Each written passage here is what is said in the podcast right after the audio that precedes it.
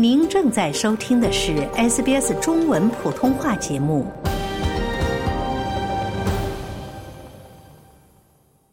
在你的心目中，一个创业的理工男会是一个什么样的形象？是不是专注事业、不善沟通？我们今天请来的这位嘉宾，他从读中学的时候就想要未来自己创业，从那时候他就开始攒钱、省吃俭用。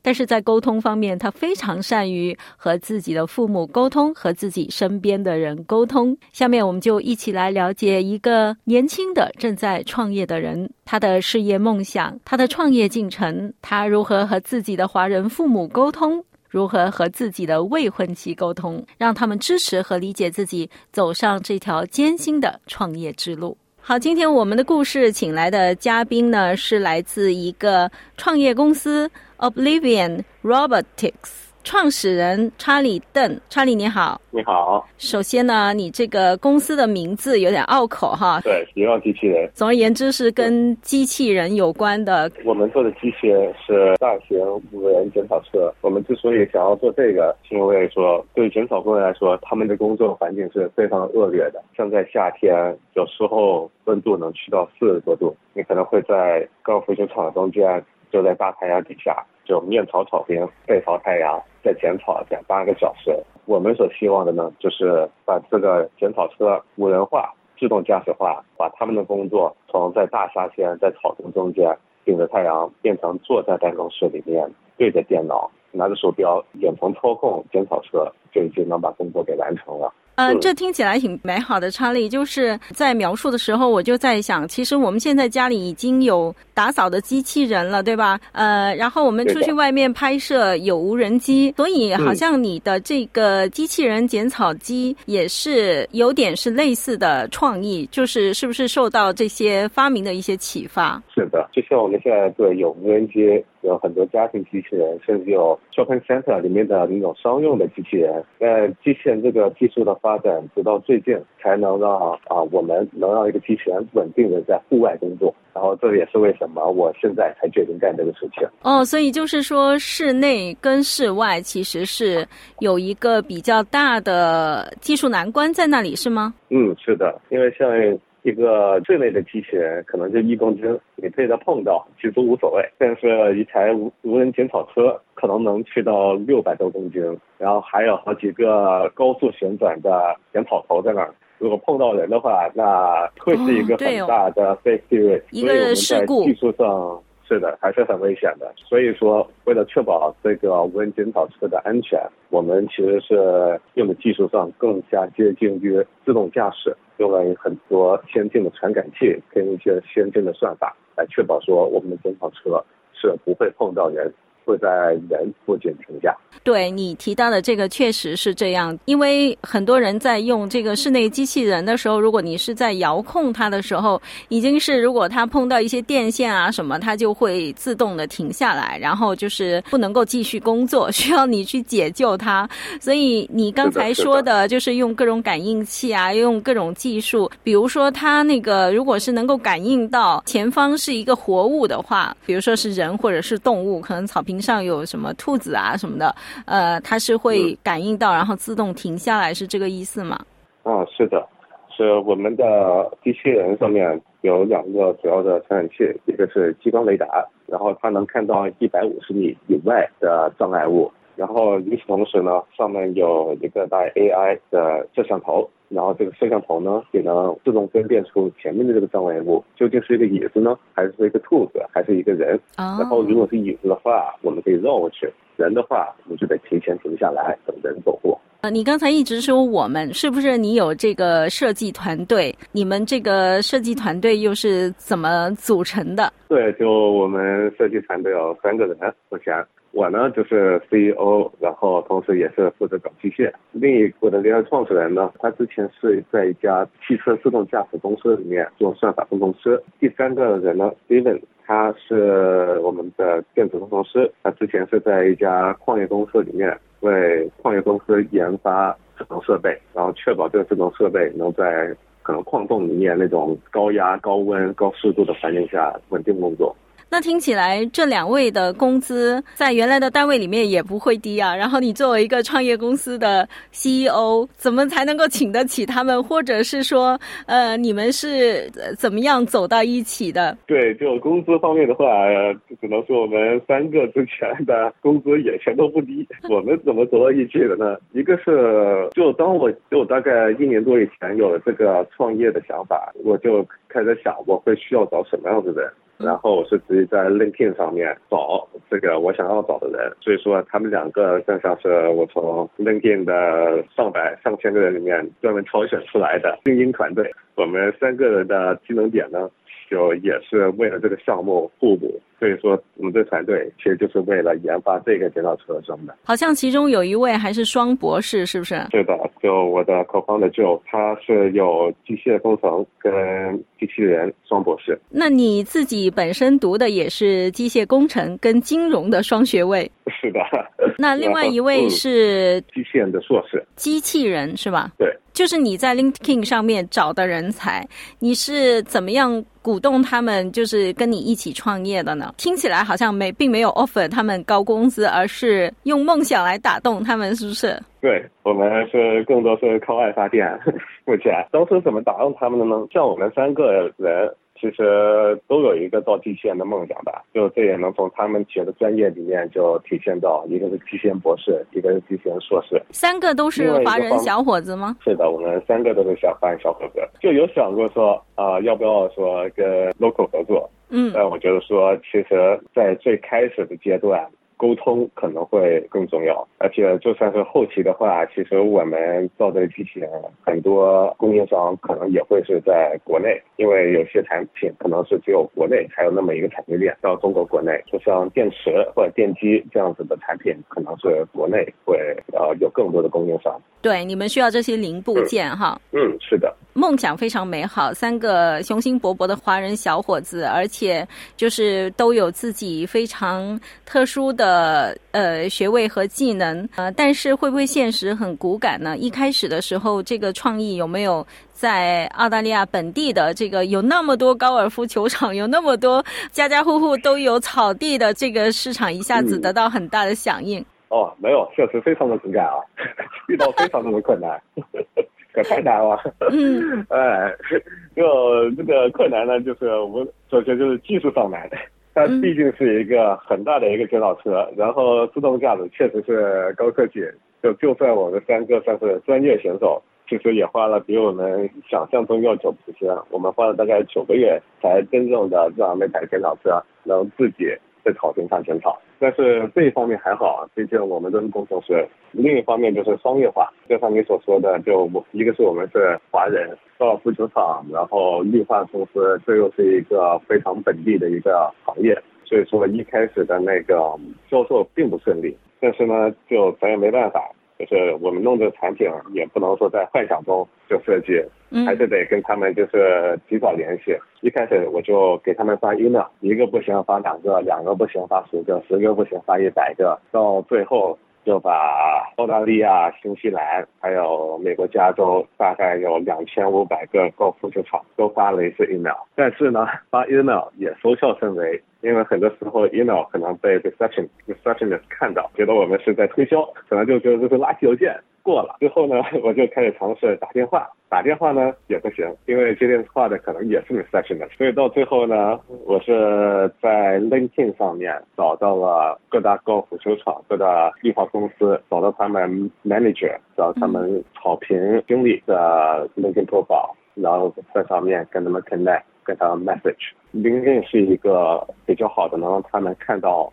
我过往经历能看到我们现在在干什么的每个平台。嗯，因为找对人了，就是对，终于找对人了。嗯，在一个合适的渠道找到了正确的人了，在 LinkedIn 上找到他们之后呢，我们在 marketing 方面才算是真正的起来。就是有机会可以面对面的跟他们展示你们真正的这个产品了，是吧？是的，在澳洲当地的哪一家获得的效果怎么样？这个过程有没有比较难忘的这个上门的经历？呃，上门经历其实有很多，而且很多时候每个客户其实都挺不容易的，就是得就一遍一遍的联系，可能愿意说 OK，我们聊一下，我们上门看一下。然后其中就包括像在悉尼的 Centennial Park，啊、也包括说啊、嗯 Landscape Solution 这个澳洲最大的绿化公司，他们的 CEO 嗯啊、当时也是跟他们联系了很久，然后他们也才终于愿意说 OK，听起来挺有趣的。我们也希望说澳洲本地能有那么一个公司来生产这个商品。我跟 Landscape Solution 的 CEO 也终于在他的 office 见上面聊了一个小时。然后在一个小时里面，他们其实也指出了我们最原始的设计里面的各种不足、各种不现实的地方，也是跟着我们这一起设计，说我们这个产品应该怎么怎么样，应该怎么样才能更好，让它更市场。化。是的，然后跟别的客户，比如说啊 l i m b Golf Course，像在西北部的一个客户就跟他们也是聊了非常的久。然后我们也聊说他们会需要多少台这样的机器，然后说这个机器一旦使用的话，对他们在员工人数上面，对他们运作方式上面会有什么的影响。然后到最后也是他们会愿意出多少钱来买这么一台电动车。其实这整个经历也是非常的难忘也，非常的非常的有收获。但他们目前为止的话，还是没办法说为了一个样机来为了一个 prototype 买单的。我记得前面聊的时候，你跟我说过，你是从在读书的时候就开始攒钱，然后想要未来自己可以，所以你们现在成立公司到现在用九个月的时间把这个样机做出来，之后到现在大概是有多久的时间了？样机做出来之后，到现在应该算是四个月。然后在四个月期间呢，一个是把我们的样机就展示给客户看，嗯然后另一方面呢，其实也是在找潜在的风投跟风投公司去联系，风投 VC 哦，风投公司就是找投资者，对找投资者。嗯呃，我是从大学的时候就已经有说以后要创业的想法了，我也是一直在为这个想法而在存钱。嗯，我不旅游，我不会买任何我觉得就非生活必要的东西，就就是为了攒钱。眼前出现了一个非常理工男的形象。啊，是的，这个形象没错啊。你们现在在寻找那个投资方面进行的怎么样？呃，目前来说的话，其实进展的还行。就我们也有约见过投资人，一些前投资人，然后跟他们去聊我这个项目。澳大利亚政府、州政府、各级政府的网站上面，嗯一些创业方面的部门，他们是有提供这样的潜在的机会，或者牵线搭桥，有这样的平台，还是说你们原来学术研究的领域，像你们的导师啊，你们原来服务的公司啊，都有相应提供一些渠道？对我们来说有点近水楼台先得月的意思，因为我的前东家他们的投资人就是澳洲最大的风投公司。如果我想知道投资人怎么想的话，我去问我前老板就可以了。哦就哦，他也教了我很多。你的前老板本身也是一个创业者是吗？是的，他最开始就听到我要创业之后，看我的那眼神，不会说觉得说这个怪怪的没有好好工作，他的眼神更加像是啊，对小伙子要走上一条非常艰难的道路，然后眼神中尽是怜悯的。因为他是过来人 啊。对，你跟我说，你还是觉得你想鼓励想要创业的人，勇敢的去拥抱自己的梦想，嗯去创业。对为什么呢因为我当时说工作的那个环境吧，身边也有不少华人，他们也是博士学历，也可能说，我有很多朋友是在目前也在学校做读读 PhD、做 lecturer、做 professor，他们呢可能曾经就我们都年轻的，我们都可能二十出头的时候，他们其实有创业的想法，嗯。但可能因为说害怕这个，害怕那个，呃，没有真正的真真正正的去把他们的梦想付诸实现，去追求一下。我的想法可能是，其实创业它虽然确实很难，会耗费你的很多精力，但是这个过程怎么说呢？对，它其实没有大家想象中的那么高风险，至少对工程师朋友们，对博士朋友们来说，就是如果成的话，那就是就要么干成，成了亿万富翁；要么干不成，回去大厂打工，怎么都是赢。嗯，所以我想以我自己的经历来鼓励他们说，不要害怕那么多。就如果你缺钱的话，你可以像我这样子，找一些在创业公司里面，可能创始团队啊，或者创业公司高管啊，然后从他们那里看能不能说融一小笔钱来度过最初的这种困难。这些高管他们给你提供的这个资金，它是算是拥有你的一部分股份吗？是以这样的方式是吗对？的还是他们是更加像是投资一个初创公司，然后他相当于说把这钱给到这个初创公司，以换取一小部分的股份。你有没有想到过，澳洲的各级政府的网站上面，它可能会有一些拨款的项目？这方面我们也找过，然后也找到一些啊比较好的 grant，比如说郑州政府的 MVP grant，可能还有 commercialization commercialize acceleration grant，这些 grant 都有个共同点，就是他们算是 match grant，就是说如果你已经有私人投资人了，可能你投了十万，然后他们另外再给你贴十万。不过我们现在正在申请 MVP grant，MVP grant 是让你去生产一台样机。因为 MVP stand for minimum viable product，所以就是让你相当于他们给你一笔钱，让你去验证你的想法吧。他们其实是每个 grant 他们都有不同的 condition。目前我们这个 stage 最适合我们的就是 MVP grant。对，因为你们已经做出了一个样机出来了。查理，你在。十五岁的时候，你随家人移民来到了澳大利亚，然后在这里接受教育。莫纳什大学拿了两个学位，是不是在你求学的这个过程当中，也是有很多的学习机会，然后又有很多实践的机会呢？就我在大三的时候来悉尼。这一家公司实习，他们当时呢刚刚开始做一个智智能垃圾桶的项目。智能垃圾桶就是里面有个压缩机，把垃圾压缩，还有个 sensor 知道垃圾桶有多满，然后把这些 data 它的数据发给当地政府，好让他们就是优化这个收垃圾路线。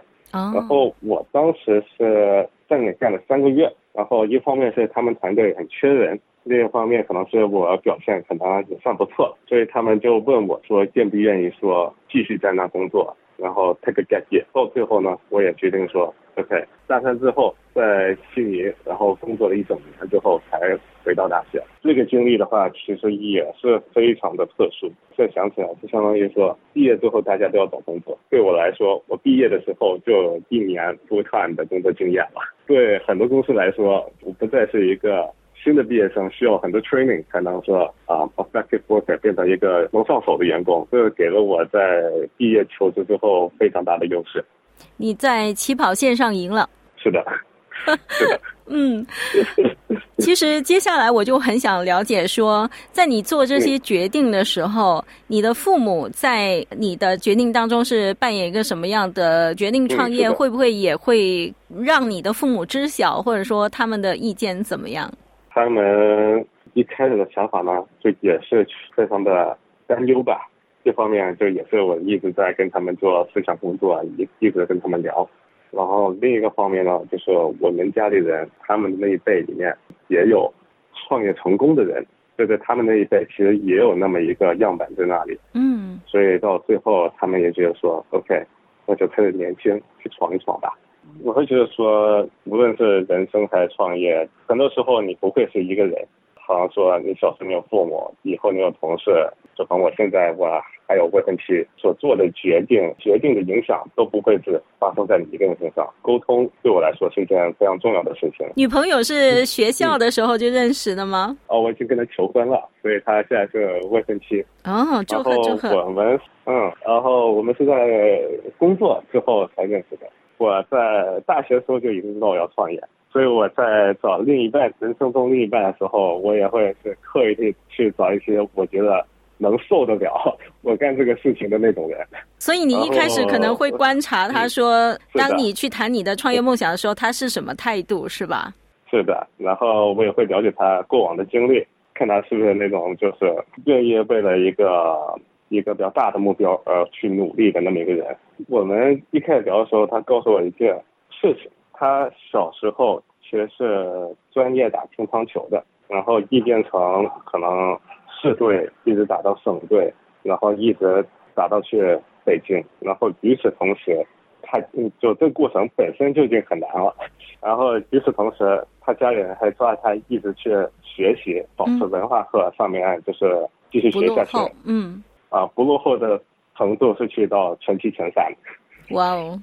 我觉得说一个人能一边为乒乓球这个梦想去坚持，然后尝试去冲击国家队。另一方面，还能在文化课上面都保持全职全在，能做到这一点的人，聪明已经都是不足够的了，肯定是个非常努力，也非常会愿意自己梦想努力的那么一个人。所以说，我觉得说那么一个人，他是能懂我的。结果你对了，他可以跟你肩并肩的站在一起。是的，现在虽然说是有存款，可能家庭支出的大头其实也是他在 cover，但是他还是答应你的求婚了，这已经说明了一切。是的。